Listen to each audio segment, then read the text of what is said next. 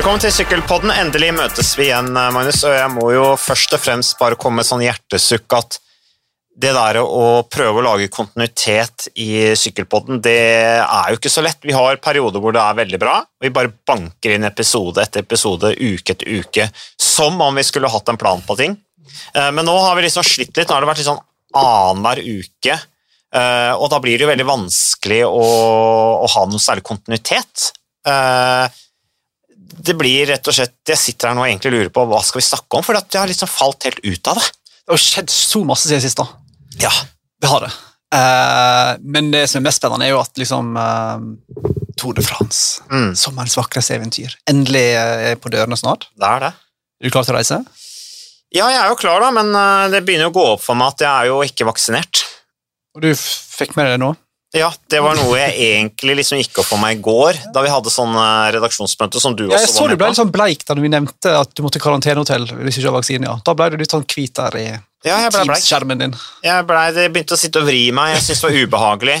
Jeg tenkte bare, Og så måtte jeg plutselig bestille PCR-tester, og liksom koronahverdagen slo innover meg, da, for jeg har jo ikke reist noen ting under korona. Ja, jeg var i Harstad for noen uker siden, men det, var jo ikke, det er jo ikke utlandet. Nå skal vi ned til Frankrike, omtrent fire uker, og jeg risikerer å komme hjem etter de fire ukene. Skal jeg da først på karantenehotell på Gardermoen, og så skal jeg hjemmekarantene, og så ryker ferien etter å liksom ikke sett familien på fire uker.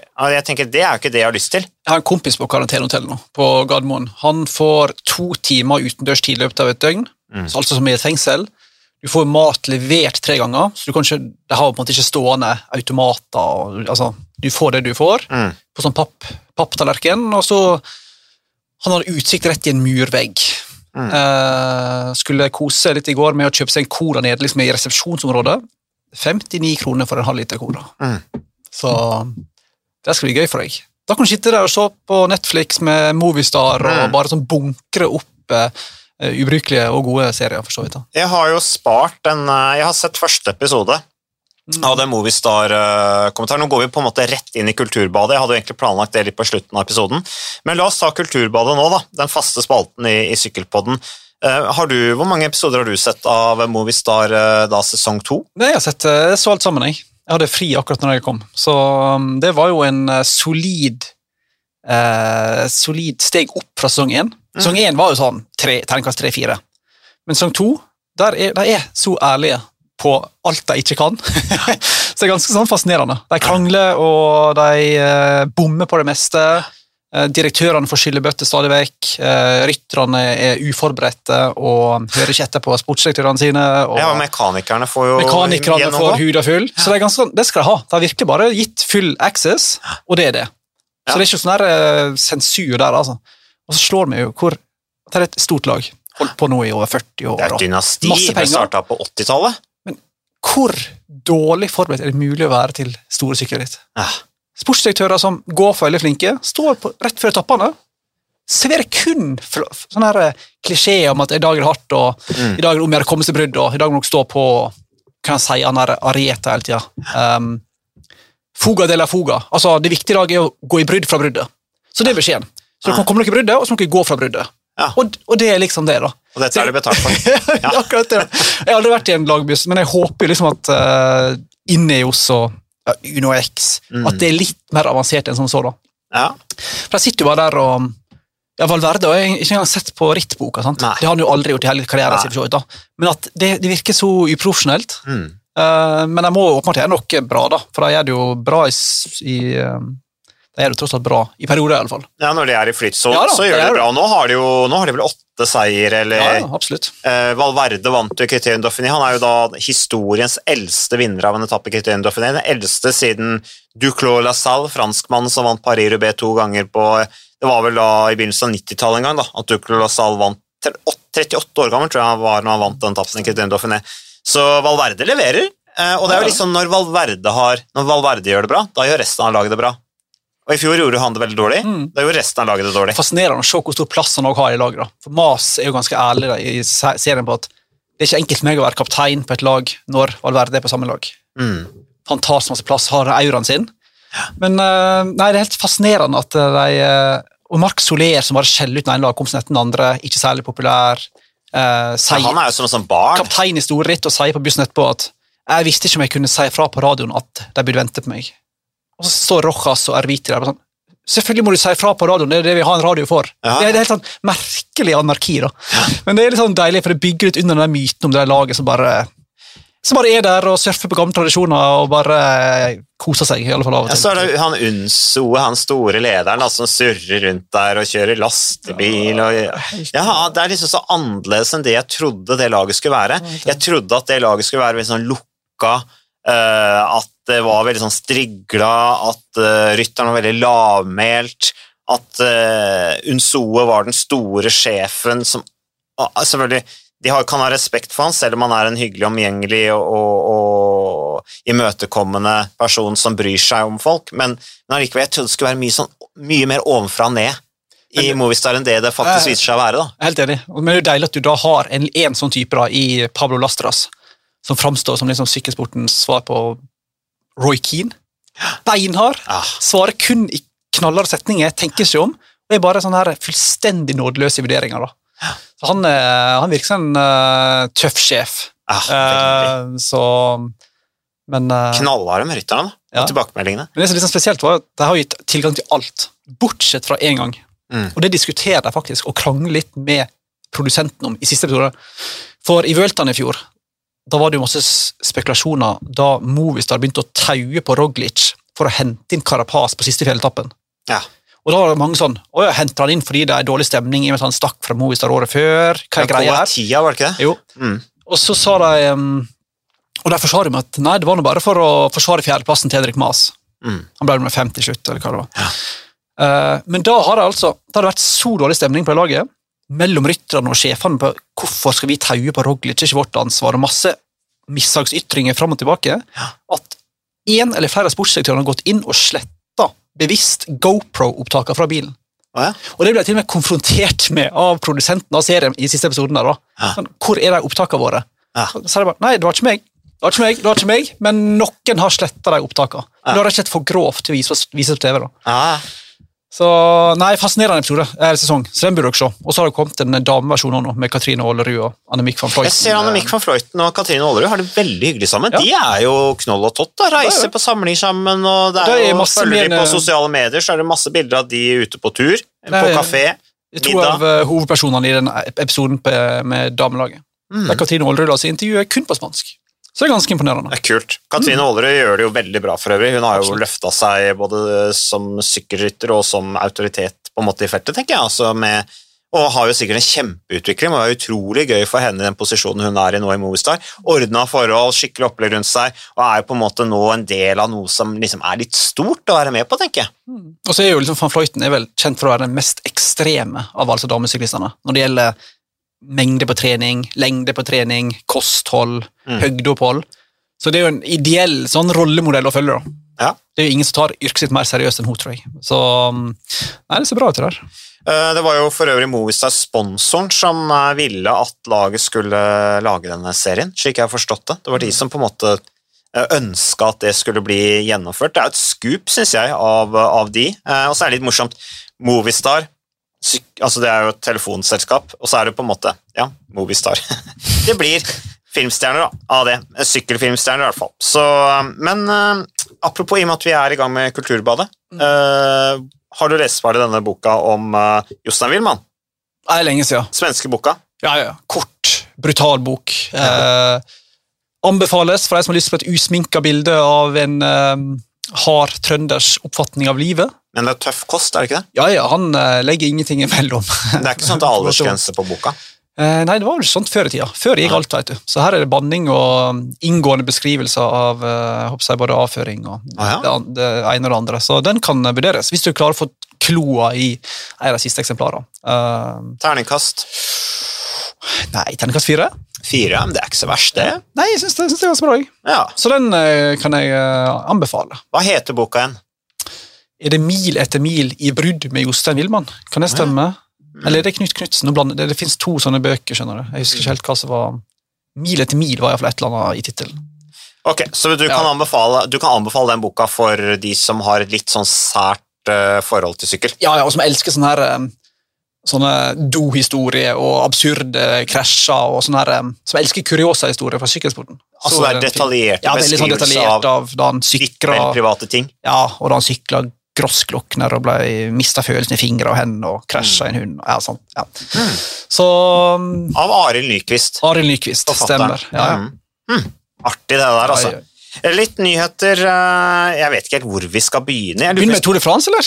Jeg tenkte først vi skal bare begynne å snakke litt om Nå, har, nå er jo vi så bakpå, Magnus, vi må innrømme at vi har jo egentlig veldig mye å ta igjen. og Jeg sitter og ser på notatene mine her som jeg egentlig har brukt en kriterium Dauphiné, og det er jo bare så eh, back in the days, egentlig. Altså, det er jo Det er gone for lenge siden. Nå er vi godt i gang med Sveits rundt. Hvor for øvrig, Vi kan begynne med det. Sveits rundt.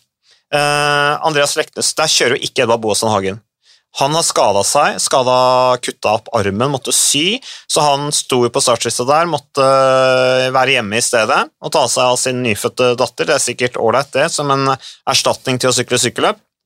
Men jeg er litt, og du var litt inne på det, Magnus, jeg er litt sånn litt redd for øh, plassen til Edvald i Tour de France ennå, altså. Ja. Uh, han er jo ganske trygg på det sjøl, Ja. så han har sikkert fått noen garantier i laget. da. Men det er jo Ja, et lag som garantier eller uh... ja, mer en slags utgangspunkt. Altså, du skal bruttotropp? Ja.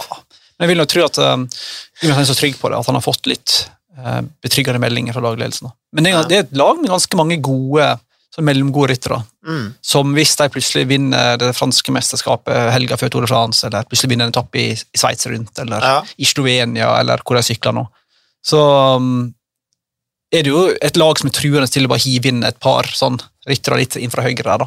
Ja, jeg, Så, håper, og jeg sitter og håper at de gjør det veldig dårlig, egentlig, før Tour de France. fordi at, uh, altså La oss si at en av dem som ikke er på bruttolista deres, plutselig Nettopp. vinner det franske mesterskapet. Da er det bare inn med han med en gang. Altså, De er så impulsive, disse franskmennene, Uh, og de husker alltid det siste resultatet. Og da, når du ikke konkurrerer, så blir du fort glemt, altså. I hvert fall er det så, sånn jeg på en måte tenker om franske lag. Da. Det kan jo være at det har endra seg nå, men jeg føler at Total Direct Energy er fremdeles relativt sånn tradisjonelle da, i måten å gjøre ting på. Det er jo Bernadot og den gjengen. Ja, ikke sant? og de, der er det gjerne at rytterne topper formen til uttaksrittene, som er kriterium Dauphiné og Sveits, så er de helt ferdige når de kommer til Tour de France. Da har de ikke noe mer å kjøre med i det hele tatt. Men det er litt sånn uh, Gippingen, der Edvald krasja, da. Det var jo hans første ritt på ganske lenge, etter en lang treningsperiode. Og nå får han jo ikke flere ritt, bortsett fra NM, sannsynligvis, da, før Tour Tore Frans. Så det blir jo en veldig tynn eh, rittkalender for han i forkant av verdens hardeste sykkelritt. Men klart du kan Ja. selvfølgelig sykle litt i form etter hvert, men Den utføringen har jo Roglic òg, da. han mestrer den bedre enn noen andre i Ja, verden. og virker Edvald er ikke på høydetrening. Det er Roglic. Nei, så det er jo liksom der, eh, at Han går vel nesten to-tre måneder med minimalt med konkurranse i forkant av Tour de France. da. Men vi får krysse fingrene for at eh, laget ikke velger å la han sitte igjen hjemme. da. Kan komme til Tour de France og kjøre seg for form, altså vinneren siste etappe på Champs-Élysées.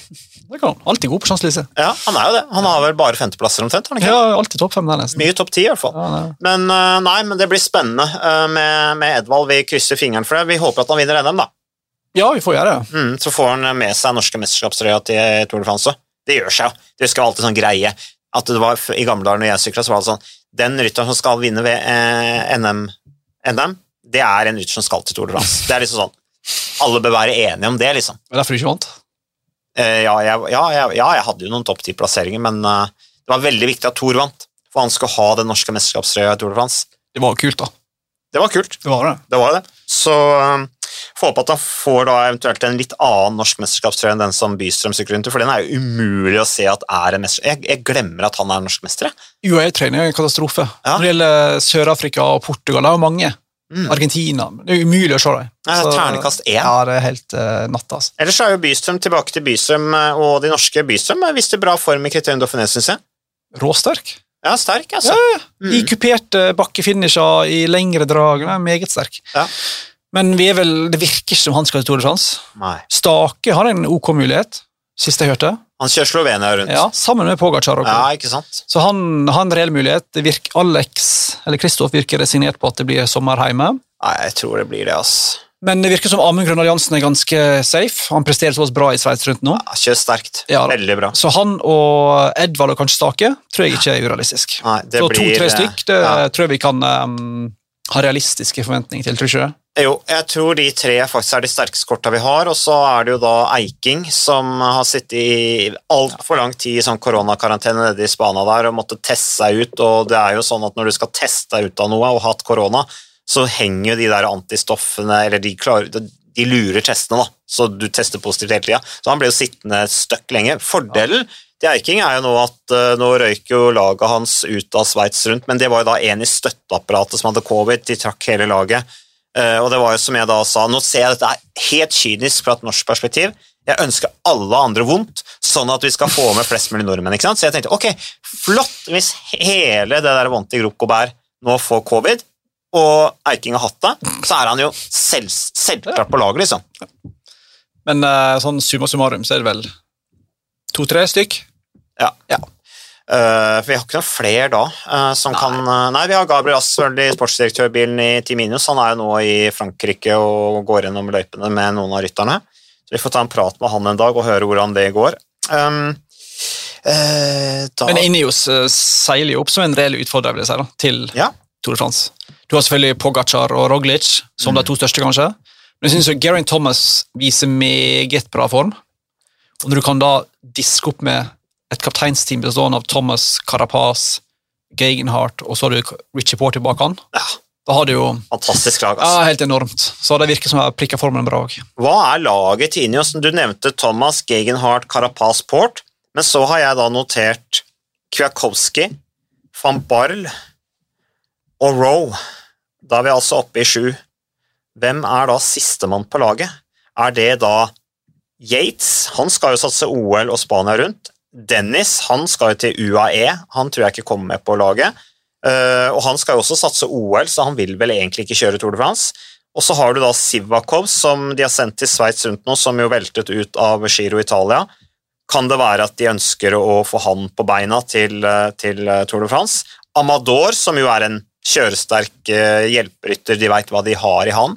Han er der alltid til stede. Og så har du Martinez, da, som gjorde en kjempejobb for Bernal i, i Italia rundt. Kanskje har han restituert seg, og de da tenker at han kan gjøre en bra jobb også i Tour de France. Det er mange alternativer, da. Men sånn som med Sivakov og Martinez, så må de jo i så fall endre planene. De skal utgangspunktet ikke. Nei. Jeg tror utgangspunktet er at Roe, Dennis, Castroviejo og Kwiatkowski er de fire som jeg har forstått det, som mm. skal følge de fire nevnte først. Ja. Altså Castroviejo, Roe, Dennis, Carapaz, Port, Gegenhardt, Thomas og Kwiatkowski. Mm. Tror jeg. Ja. Iallfall utgangspunktet, men ting endrer jo seg. da. Men, Sa du de pluss? Nei, for han har, eh, han har, gitt opp noe, sa jeg i går. Han har gitt opp, ja. ja for han har slitt med en, um, en skade som um, satt i ganske lenge. Så han satser på OL, håper han å rekke, da. Mm. Og en Vuelta, for han har slitt med Så hva jeg skrev her. Jo, han slitt med overtreningssyndrom. Så han oh, ja. sto av på, i Baskland rundt og har ikke konkurrert seg den gang. Nei. Så han har gitt opp Tour de France. Uh, Van Bar nevnte du? Nei. Hvorfor har du ikke nevnt han? Nei, Det er det som sier, det er min forståelse av det, men det er ikke sikkert det er riktig. da. Nei. Jeg, jeg trodde at uh, Roe og Dennis var foran i køa, men jeg skal ikke si det 100% sikkert. Ja, Roe har jeg også på, satt opp på lista, men ja, jeg satt viktig. Bar, men jeg er litt usikker på om Dennis er så klar som det du mener han er. Ja, absolutt, og du vet jo aldri med han, Nei. så det kan godt hende at han ryker. altså. Ja, eh. men uh, i utgangspunktet så kommer han inn i dette året Rowan Dennis, med at han skulle rendyrke hjelperytterrollen mer, og var virket veldig tent på det. Men så tar det ikke lange tida, så er han på vei ut av laget. Nok en gang så bytter han arbeidsgiver. Han er ikke verdens enkleste mann å ha med å gjøre, tror jeg. altså. Nei. Eller at han får så godt betalt i UAE at uh, han bare kan ikke si nei. Men uh, ja, det kommer an på hva han viser i helga i fjella i Sveits. da. Mm. Han har sykla veldig bra i fjellet i så hvis han er i den formen igjen ja, Han ble jo to for to år siden. Ja, så, så, så tror, jeg han, tror, jeg han, er med. Mm. Uh, men um, spesielt i år, samme som i fjor, så er jo alt veldig usikkert. Det er så mange ting som endrer seg på kort varsel, så jeg tør ikke garantere noe. Nei. nei. Det er jo bra at Edvald ikke er på det laget, tenker jeg. Det kan du si. Mm. Så um, ellers uh, vi litt tilbake til, uh, til Du nevnte Alexander Kristoff, for å ta litt som det som er hot av nyheter, eh, så spekuleres det nå Vi hadde en artikkel i går som eh, Sindre Olsen, kjære Sindre Olsen, hele Sykkel-Norges eh, Sindre Olsen, han skrev en artikkel om at Alexander Kristoff jages av UnoX. Er det et sterkt uttrykk jeg brukte der, kanskje? Ja, det var vel en slags forhørt seg, men konkludert med at det var lite realistisk. Men jeg har lyst på han, da. Hadde Ja. vært kult steg opp, da. Men brukte, nå brukte jeg på en måte min en tabloid sjargong som jeg Jo. føler jeg er innafor med her i TV 2. Absolutt. absolutt. Så han jages av UnoX. Ja, Men spørsmålet er, det må, det må jo bli veldig dyrt. Ja, det er akkurat det, da. Ja, han vel- Han tok jo akkurat bilde av seg selv og la opp sosiale medier da med Lamborghinien, Hummeren, og så var da denne her Teslaen litt sånn bakgrunn. Og jeg tenker liksom Sykkelsportens Aubameyang det der. ja, Han seiler ikke opp som favorittperson hos de grønne, i hvert fall. Uansett hvor mye han sykler. Men eh, han slo et slag for oljebransjen, da. Og han bor jo tross alt i den delen av landet hvor det er en veldig viktig næring. Hvis, hva er Team Coop hvis han går til UnoX, da? Nei, da det kan ikke jeg helt se at det samarbeidet med Coop fungerer, for da er det jo over til Reitan, på en måte. Og Coop og Reitan har jo aldri vært sånn kjempeglade i hverandre. Nei. Sånn som i Slottet så har jo på en måte liksom Lauka og Kristoff og, og den leiren der naturligvis når du er et kontraktsår, eh, solgt seg inn til forskjellige. Ja. Eh, så det er, jo, det er jo nevnt eh, Israel, blant annet, ja. Som jo passer i og med at de liker profilen med gamle Gamle- Unnskyld, gamle, men litt eldre, men gode, store stjerner. Og Ja. de har jo penger. Ja. Kristoff har jo en stor lønnspose, Mm. som han virker innforstått med at den må synke litt. Det er jo ikke så unaturlig, Nei, Eh, men han tjener jo godt fortsatt. Mm. Så jeg er spent på hvor, hva det ender med, men det tyder jo i hvert fall på da, at han ikke nødvendigvis blir værende i UAE. Mm. Eh, at de går den veien. Eh, så Hva skjer med Bystrøm da, tror du? han er vel åpna opp for at de kanskje splitter, Mm. splitter veier. Har fått en del interessenter, han òg, da, Bystrøm. God rytter, altså. Han, han utvikler seg, syns jeg. Absolutt. Mm. Men det, tror du det har vært bra med Kristoffer Unox? Jeg tror det kunne vært bra for UnoX å fått inn en såpass stor profil eh, for å få invitasjoner til større ritt. Altså Da plutselig jeg får en invitasjon til Flandern rundt. Kan- Roubaix Ja, ikke sant? Roubaix, de sitter. Eh, kanskje du til og med får en invitasjon til eh, Paris-Nice. Eh, kanskje du får en invitasjon til og med til eh, sommerrenspurter, kanskje til Giron eller til Spania rundt, i hvert fall. Eh, jeg tror det kunne vært veldig interessant for, for UnoX å ha fått en såpass stor rytter, ja. Men Helsike, så Unox sykler om dagen nå, i Italia. Ja, ja det er jo, vi kan jo ta det. Eh, en er jo, For det første har de jo begynt å vinne ritt, det er vi glad for. Men Italia, du har vært, du følger veldig, veldig tett. Ja, det Johannessen. Halland. ja, Halland Johannessen-tvillingene og Charmig og Kulsett og De kjører bra nede i um, liksom før ble kalt amatørenes Giro d'Italia. Baby-giroen. Eh, Baby-giroen. Mm. U23-giro. Eh, alt etter som. Eh, ligger på en andreplass sammenlagt, Mm. bak um, gudbenåda Juan Ayoso, som eh, kommer til å vinne det rittet, og kommer til å vinne de fleste sykkelritt i verden etter Ja, hvert. han har signert for UAE. Han skal til UAE. Ja. Så hvis Tobias Halland Johannessen beholder en andreplass der, så blir han første nordmann i historien som tar en pallplass i Baby Ja. Uh, og det er et ganske høyt nivå der i år.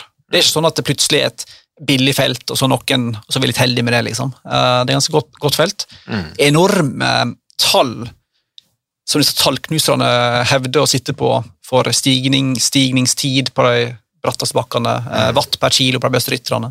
Så det er høyt nivå.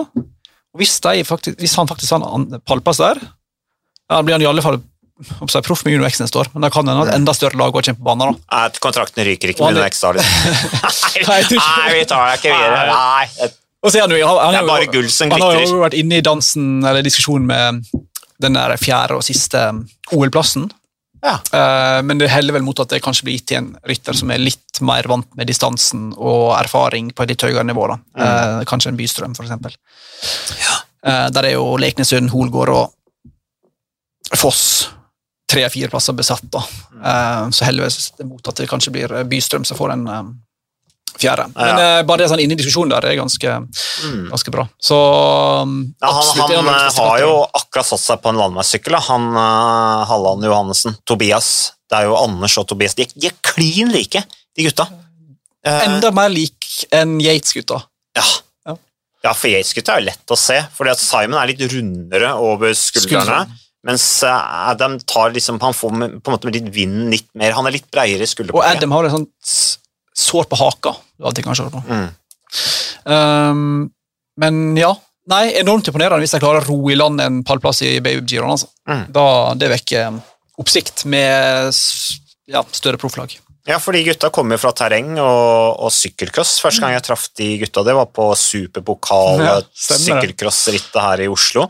Voldsløkka. Og, de, og de Voldsløkka, og hvem av de som vant, det veit jeg ikke. For det er umulig å si hvem av de som vant. En av de vant, da. Eh, Så, og da tenkte jeg, Men da var de liksom så tekniske. Da husker jeg snakka med Lurer på om det var, eh, om det var Jens Haugland fra UnoX var der. Han er jo på alle sykkelløp med familien sin.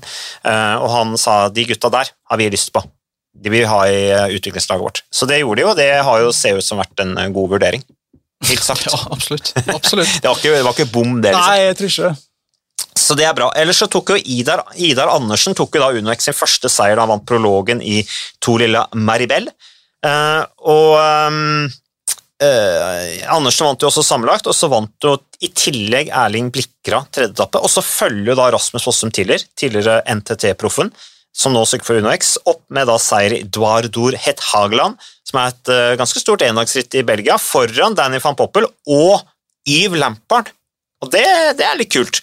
Um, så det begynner å rulle nå. Du nevnte for øvrig Magnus Kulseth. Jeg la meg imponere han, for det er ikke så mange år siden han var på Sunnaas altså, etter en uh, veldig alvorlig uh, ulykke på en treningstur hvor han skulle sykle tror jeg, til Tønsberg fra, fra hjemmet i, i Røa, eh, på Røa. Og, og ble kjørt ned, og det var veldig alvorlig. Så det er gøy å se at han er på såpass eh, høyt nivå, klatrer som bare det. Han er liksom født klatrer. Han, han er liksom en yngre utgave av Domenico Pozzovivo.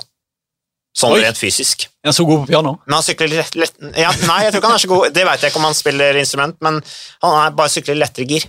Håper han knærne litt mer inn mot ramma enn Pozzovic.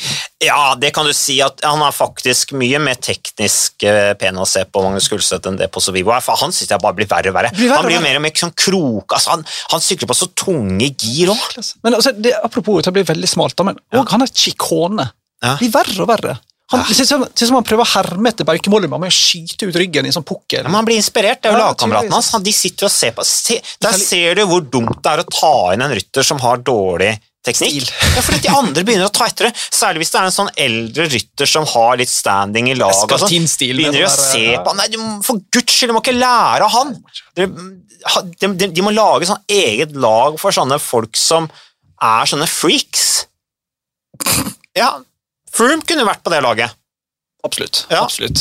Han, Bauke Mollema, hvem andre kunne vært på det laget? Pozzovivo, Pozzovivo, absolutt. Ja. Bøkler, når han var aktiv. Bøkler, um, Eskartin hadde jo selvfølgelig, han kunne vært sportsdirektør. Absolutt. You name it, det er mange som kunne vært på det laget. Jeg kunne vært der sjøl, for jeg satt jo veldig skeivt på jeg du hadde sånn, du sånn Alessandro Ballan-stil, du. Oh, hadde, Men han Ja. var jo veldig elegant Ja, men han, hadde, han hadde ganske sånn strake armer, Ja. og så hadde du sank på en måte hodet ned mellom skulderbladene. Skjønner du hva jeg mener? Ja, ja, hodet Litt sånn Alessandro Ballan. Torstein Treen-stil. Ja, Torstein Det er elegant, det, altså. det er ikke det? Torstein Tre synes jeg ser ganske sånn kul ut på Ja. sykkelen. For han har liksom skynger- kritikk. ja, Samme stilen på armene hele tida. Rette armer. Rett arm alltid. Han får alle slag, alle dumper bare rett opp. Rett i skuldra. Ja, han kommer til å få så vondt i nakken og skulderen når han blir eldre. Eh, men han, liksom, han slenger rundt der da, og ser liksom ut som han har det ganske At han sitter litt sånn og kjeder seg, på en måte. Eh, og det er samme stil, enten det går bratt oppover han prøver å følge Egan Bernal, eller, det er liksom Eller, eller ja, eller det er på treningstur på Røyselandet når han er ute og, Det og er sånn du, trener Ballan, som har liksom en egen stil der. Ja, men jeg satt så skeivt, så jeg, Wow. jeg, jeg satt veldig skeivt. Jeg har en skeivhet i hofta som jeg måtte hele tida rette meg opp. Uh, og da satt jeg så skeivt at jeg faktisk jeg sleit ut sykkelbuksa på den ene siden. Så røyk på en måte det- Sømmen i sykkelbuksa røyk på den ene sida. Var du litt baktung òg, eller? Eh, nei, jeg var ikke så gikk sømmen i sykkelbuksa. Ja, du tenker på at jeg var sånn, feit? da fikk du litt sånn krypetest av franske Ja, franske det, sportsdirektøren. ja, de passa jo på at vi var slanke. Jeg veide jo mm, 62 kilo. Så sier. Ja, det, var, det er jo en del, i hvert fall i dagens verden hvor rytterne er så lette. Eh, Men eh, den gang så var det ganske lett. Men eh, skal vi se, hva er det vi ikke har tatt opp nå? eh, Vi sender jo femte etappe av Sveits rundt i dag. Mathieu van der Poel er 100 i rute til Tour de France, kan vi i alle fall fastslå. Ja. Etter å ha vunnet de første to fellesartsetappene i Sveits rundt. Ja. Og det er sånn, en ting er at han vinner, Mm. men han vinner aldri bare sånn ja, Han vant jo Flandern så vidt, da, men han vinner alltid med så stil eller så overlegent. år. Nei, men i fjor foran. Han han vinner på en måte så Det er så masse når han vinner. da. Det framstår så lett og så overlegent. Ja, det er sånn, Men ellers har sykkelrittene i siste har vært spektakulære. Syns du ikke, syns du ikke det har vært moro med sykkelløp i det siste? Fordi at du er jo normalt veldig kritisk. Eh, du, du lar deg ikke begeistre av noe som helst, men akkurat siste tror jeg selv du har liksom litt sånn nikka anerkjent det du har sett i Criterion Dauphiné, de første etappene av Sveits rundt, ta vekk tempoen, altså, for det, det er jo litt kjedelig, men, men landeveisetappen i Sveits rundt, den i går var kanskje litt sånn, det var ikke så kul, men den der første landeveisetappen i, i Sveits rundt var jo helt fantastisk, Ja. jeg synes andre etappen var veldig bra synes, Dauphiné er jo mitt favorittritt. så Jeg synes jeg alltid leverer bra. Men det er jo kult at du har fått en generasjon som altså I van der Poel, Sagan og à la Philippe, og til viss grad van Art som virker til å verdsette det at det er viktig å underholde òg. Det er nesten like viktig som resultatet. Det er helt kult å ha fått flere sånne showmen samtidig, Mm. som syns det faktisk har en verdi i seg sjøl å angripe fem mil før mål, selv om det kanskje ikke egentlig gir mening. Du hva jeg mener? Nei. Så at du har den generasjonen der som faktisk bryr seg om hvordan det ser ut, er Mm. dritkult. Mm. Så da får man kule sykkelritter. Ikke bare skal vi vinne, men vi skal liksom vinne big. Ja. ja. så, men det, det kan jo også ha noe med Jeg har, litt tenkt på litt, jeg har tenkt litt på det siste. ikke sant? Du blir jo prega av å sitte og kommentere sykkelløp i time etter time. Det, det tar jo helt overhånd i livet ditt. Eh, du blir jo egentlig bare mer og mer snever. Mister egentlig mer og mer kontakt med eh, livet ellers. Er Isolerer deg mer og mer, sitter og grubler på sånne helt, helt absurde ting som ingen andre tenker på. Sånn som for eksempel at hvorfor er det sånn at bruddene nå oftere går inn? Altså, hva er det som skjer, sånn som i går i Sveits rundt dette bruddet som gikk inn med han der unge italieneren som vant, hva heter han igjen, han eh, godeste tempokongen fra. Sveits, eh, Bissiger, ja, som for øvrig ble banka Andreas Leknessund på tempo i fjor, i, EMU U23 blant annet. Eh, Jeg lurer på hva i all verden som har skjedd med Andreas Leknessund og tempo. Der er det et eller annet som har skjedd. Det, det tror jeg rett og slett handler om utstyret, for han er land, på landeveien er han god. Eh, tempo så, så leverer han ikke i forhold til hva som er forventningene. Ja, det er det. Men nå var det ikke det jeg skulle snakke om. Det jeg skulle snakke om var at jeg tror at grunnen til at disse bruddene går inn, og sånne ting, det er at det har skjedd Jeg tror det er jevnere enn før. For plutselig har du sånn som Richard Pøstelberger, østerrikeren i bordet hanskroet, som klarer å sitte med Han vinner tøffe etapper i Dauphiné, henger seg på, sitter med Vi har sett det før med Tor Huse og de Tour de France i 2011 og sånne ting, men liksom, jeg synes det er mer av det. Bissiger og sånn, de gir opp å hente bruddet i går.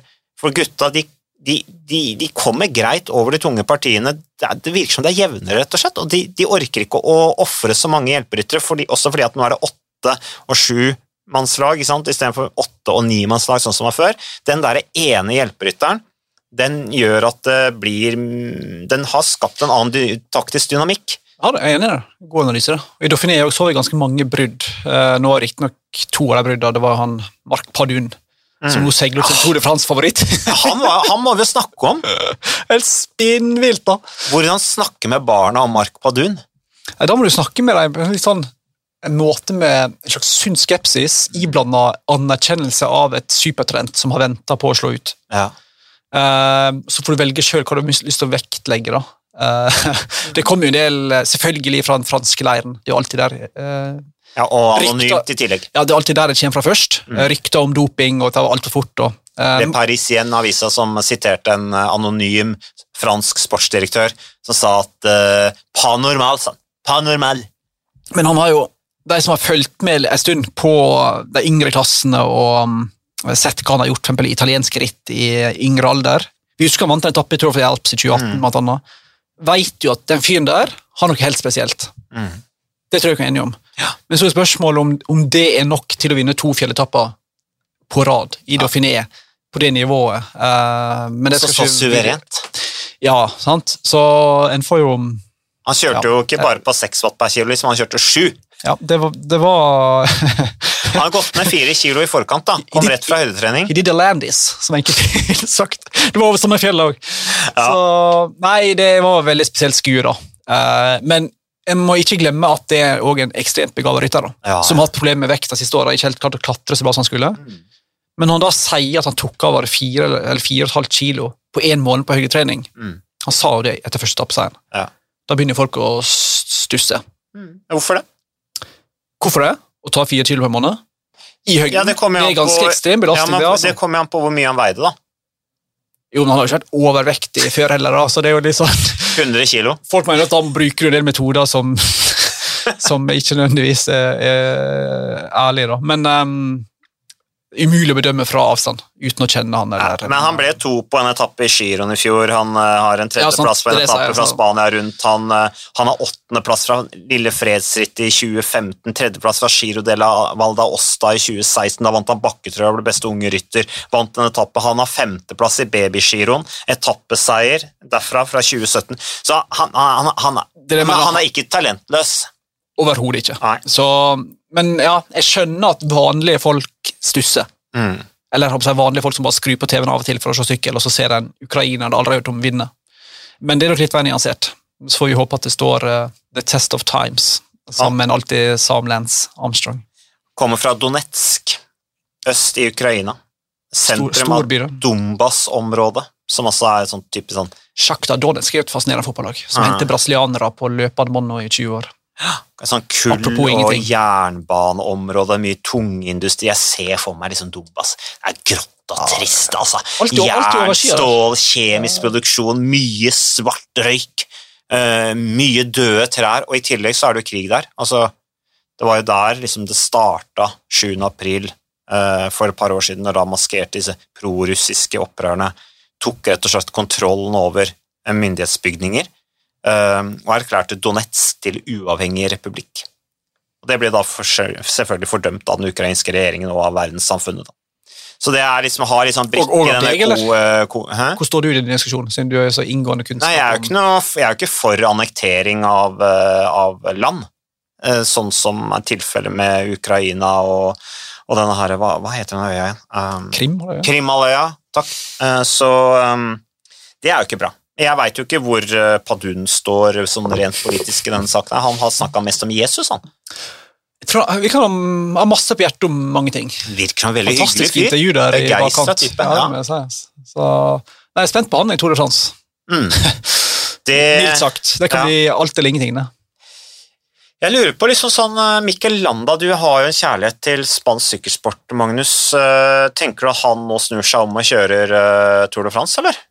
Etter skaden fra Italia rundt, eller sitter han nå i et mørkt rom hjemme hos seg selv i Spania og drikker øl og depper over uh, at han ikke fikk kjørt giroen, som for øvrig jo ble fulgt opp godt da, av Caruso, lagkameraten hans fra Italia, med andreplass sammenlagt. Det var ikke mest alvorlige skader han fikk. Det var bare ribbein og bare ribbein, og krakebein. Det gror relativt fort. Ja, Tom Pidcock tok Ja da, seks dager. Så syklister han kan absolutt rekke det rent sånn matematisk. Enn så lenge har han stått på planen om at det er liksom uh, Vuelta som uh, Men han er jo strøket fra OL-laget nå, da, sant?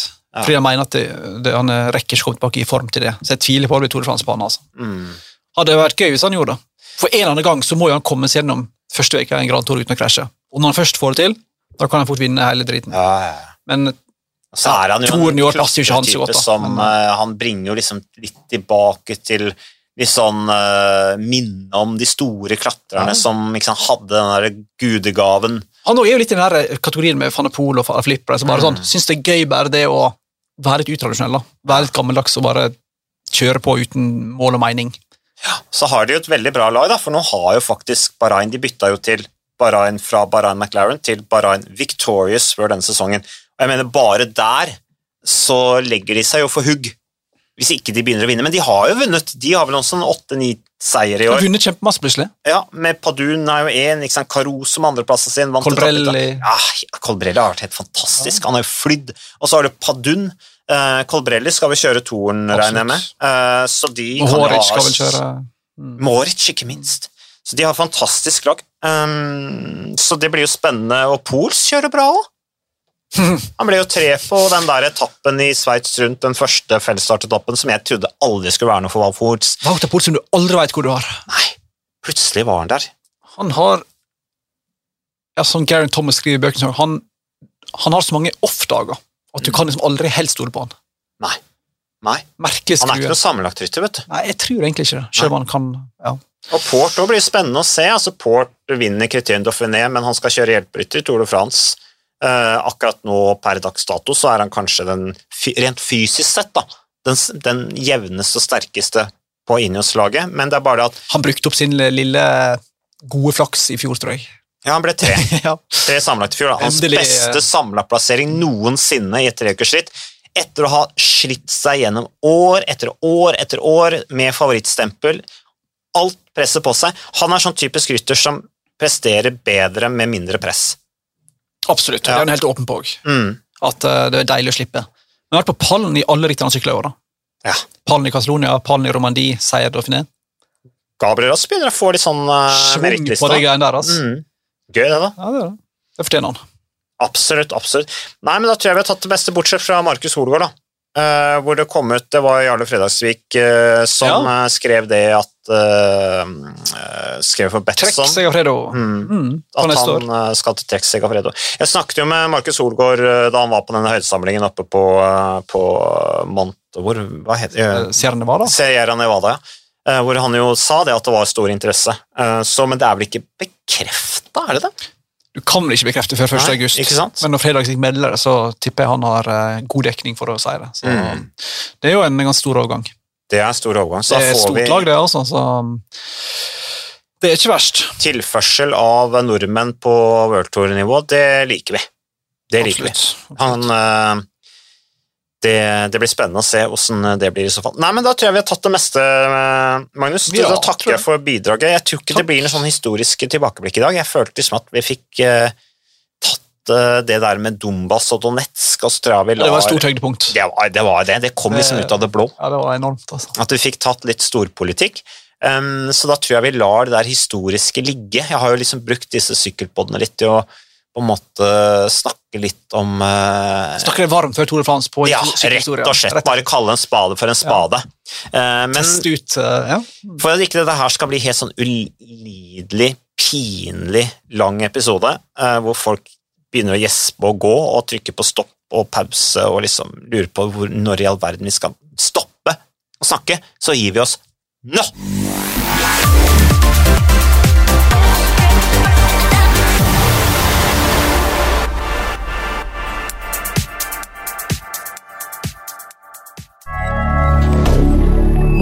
免的